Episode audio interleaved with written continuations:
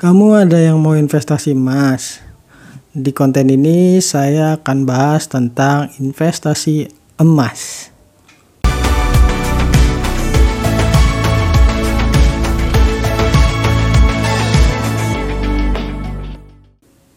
Halo, Hario di sini. Ketemu lagi sama saya. Seperti biasa, saya akan membahas seputar investasi pengelolaan keuangan dan juga bisnis yang tujuannya untuk bisa bebas finansial. Kali ini saya akan bahas uh, tentang investasi emas. Emas merupakan salah satu instrumen investasi yang umurnya sudah sangat tua. Bahkan kakek, nenek, hingga buyut kita yang tidak tahu tentang investasi modern kemungkinan besar mereka mengetahui tentang investasi emas ini. Bahkan hingga kini emas masih menjadi investasi pilihan oleh banyak orang. Karena investasi emas tidak memerlukan analisis dan pengetahuan yang terlalu mendalam. Cukup beli dan simpan dalam jangka waktu yang lama. Tetapi apakah emas masih layak dijadikan investasi? Maka jawaban dari pertanyaan ini adalah bisa ya, bisa tidak. Emas tidak bisa dijadikan investasi jika kamu memilih emas perhiasan. Kenapa demikian?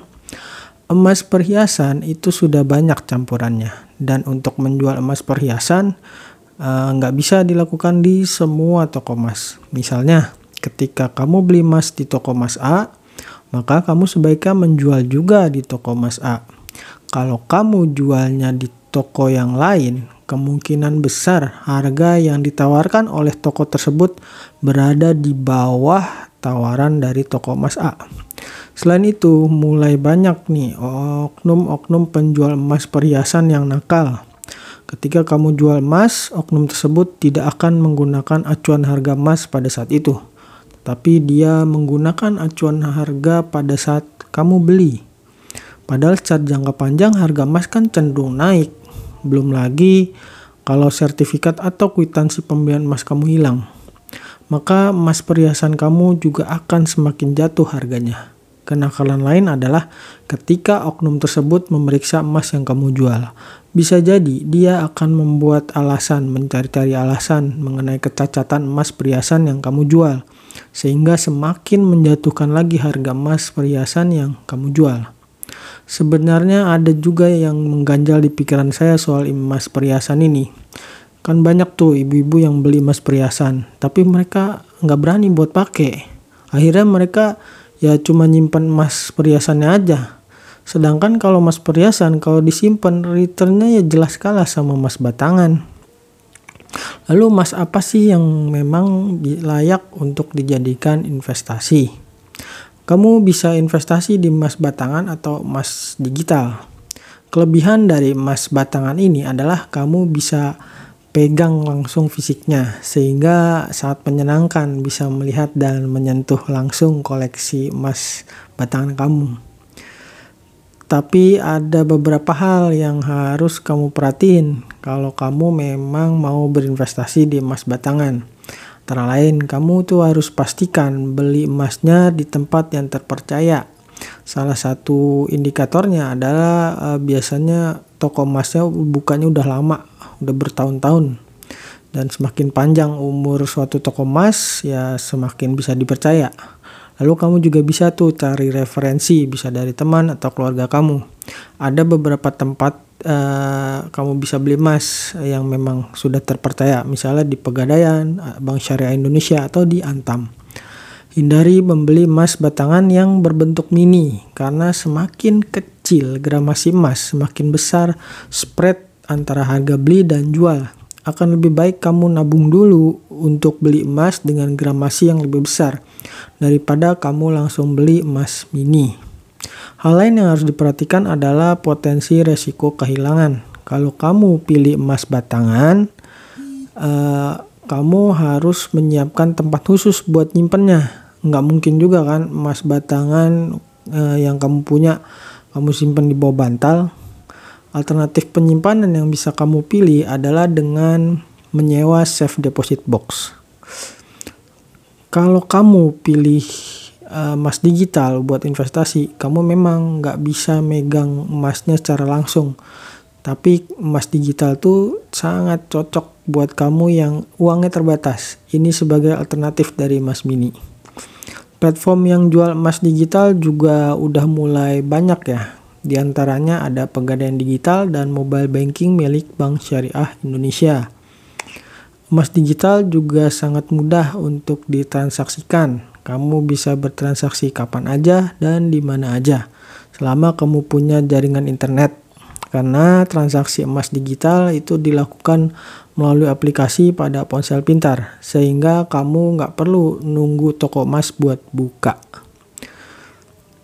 Selain itu, kita bisa juga mengambil emas digital uh, dalam dua alternatif bentuk kamu bisa mencairkannya ke dalam bentuk uang dan juga emas batangan.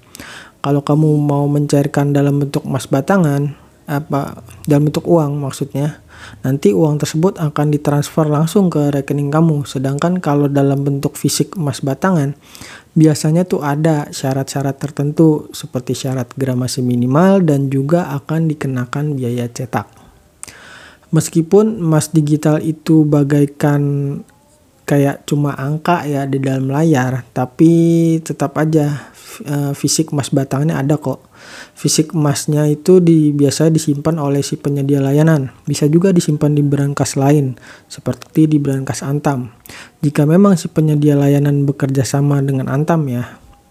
Pada dasar ya kenaikan dan penurunan harga emas itu dipengaruhi oleh supply and demand. Dan ada beberapa hal yang bisa mempengaruhi supply and demand emas ini. Antara lain yang pertama adalah kondisi ekonomi dan politik. Nah, jika ekonomi sedang dalam kondisi krisis atau situasi politik yang tidak pasti, orang akan cenderung mengamankan asetnya ke dalam instrumen safe haven seperti emas. Ya, hingga kini emas itu masih dianggap sebagai investasi yang paling aman. Karena secara historis ya udah kebukti harga emas dalam jangka panjang tuh mengalami kenaikan. Yang kedua adalah harga dolar Amerika. Harga emas itu memiliki korelasi yang negatif dengan dolar Amerika. Ketika nilai dolar Amerika turun, maka harga emas akan naik dan sebaliknya. Hal ini bisa disebabkan karena ketika dolar Amerika kehilangan daya belinya, itu akan meningkatkan permintaan komoditas seperti emas serta emas merupakan investasi alternatif ketika mata uang dolar Amerika mengalami penurunan nilai. Sehingga saat dolar Amerika turun, para investor biasanya akan mengalihkan uangnya atau asetnya ke dalam emas batangan. Lalu yang ketiga adalah monopoli pembelian emas oleh bank sentral. Salah satu fungsi dari bank sentral adalah menjaga stabilitas mata uang suatu negara dan stabilitas sistem keuangan perbankan. Dan untuk itu, bank sentral juga ikut membeli emas. Tujuan utama dari simpanan emas ini adalah sebagai jaminan pembayaran surat berharga, uang kertas, atau perdagangan. Emas batangan di bank sentral juga menjadi penyimpan nilai untuk menjaga kurs atau mata uang suatu negara. Selain itu, peran utama emas batangan bagi bank sentral adalah untuk mendiversifikasi cadangan kekayaan mereka. Emas batangan juga dijadikan lindung nilai terhadap inflasi karena emas merupakan komoditas fisik yang pasokannya tidak mudah untuk ditambah. Emas bisa dijadikan sebagai alternatif untuk investasi, tetapi ada satu hal yang harus kamu perhatikan jika ingin berinvestasi di emas. Investasi pada instrumen emas tidak bisa mendatangkan penghasilan pasif karena kamu hanya bisa mengharapkan return dari kenaikan harganya aja. Namun justru inilah yang membuat investasi emas menjadi sederhana dan bisa dilakukan oleh siapa pun. Cukup gunakan metode buy and forget atau beli lalu lupakan tanpa perlu memantau harga atau grafik harga emas. Ada beberapa keuntungan jika kamu berinvestasi emas. Kamu bisa melindungi aset kamu karena umumnya kenaikan harga emas itu di atas kenaikan inflasi. Serta emas juga gampang dicairkan.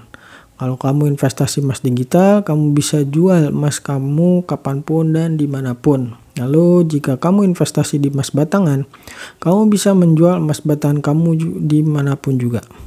Bahkan kalau kamu memiliki emas batangan dari Antam, kamu bisa mentransaksikan emas batangan kamu itu di luar negeri loh. Karena emas Antam punya sertifikat LBMA. Tetapi investasi emas juga memiliki potensi resikonya. Salah satunya adalah spread harga emas atau selisih antara harga beli dan jual dan semakin kecil gramasi emas maka spreadnya pun semakin besar. Lalu emas juga belum tentu untung, apalagi kalau kamu berinvestasi untuk jangka pendek. Karena itulah investasi emas lebih cocok untuk dijadikan investasi jangka panjang. Dan bagi kamu yang berinvestasi pada emas batangan, kamu juga memiliki potensi kehilangan emas batangan punya kamu. Alternatif yang bisa dilakukan adalah menggunakan safe deposit box, tetapi kamu harus membayar penyewa biaya sewanya itu. Emas memang merupakan investasi yang sudah ada sejak zaman dulu. Namun layaknya sebuah investasi, itu pasti memiliki kelebihan dan kekurangannya masing-masing dan kamu bisa menjadikan emas ini sebagai alternatif investasi kamu. Ada baiknya kamu juga mempelajari instrumen investasi lainnya. Oke, sampai di sini pembahasan tentang investasi emas. Sampai jumpa di konten berikutnya. Dah.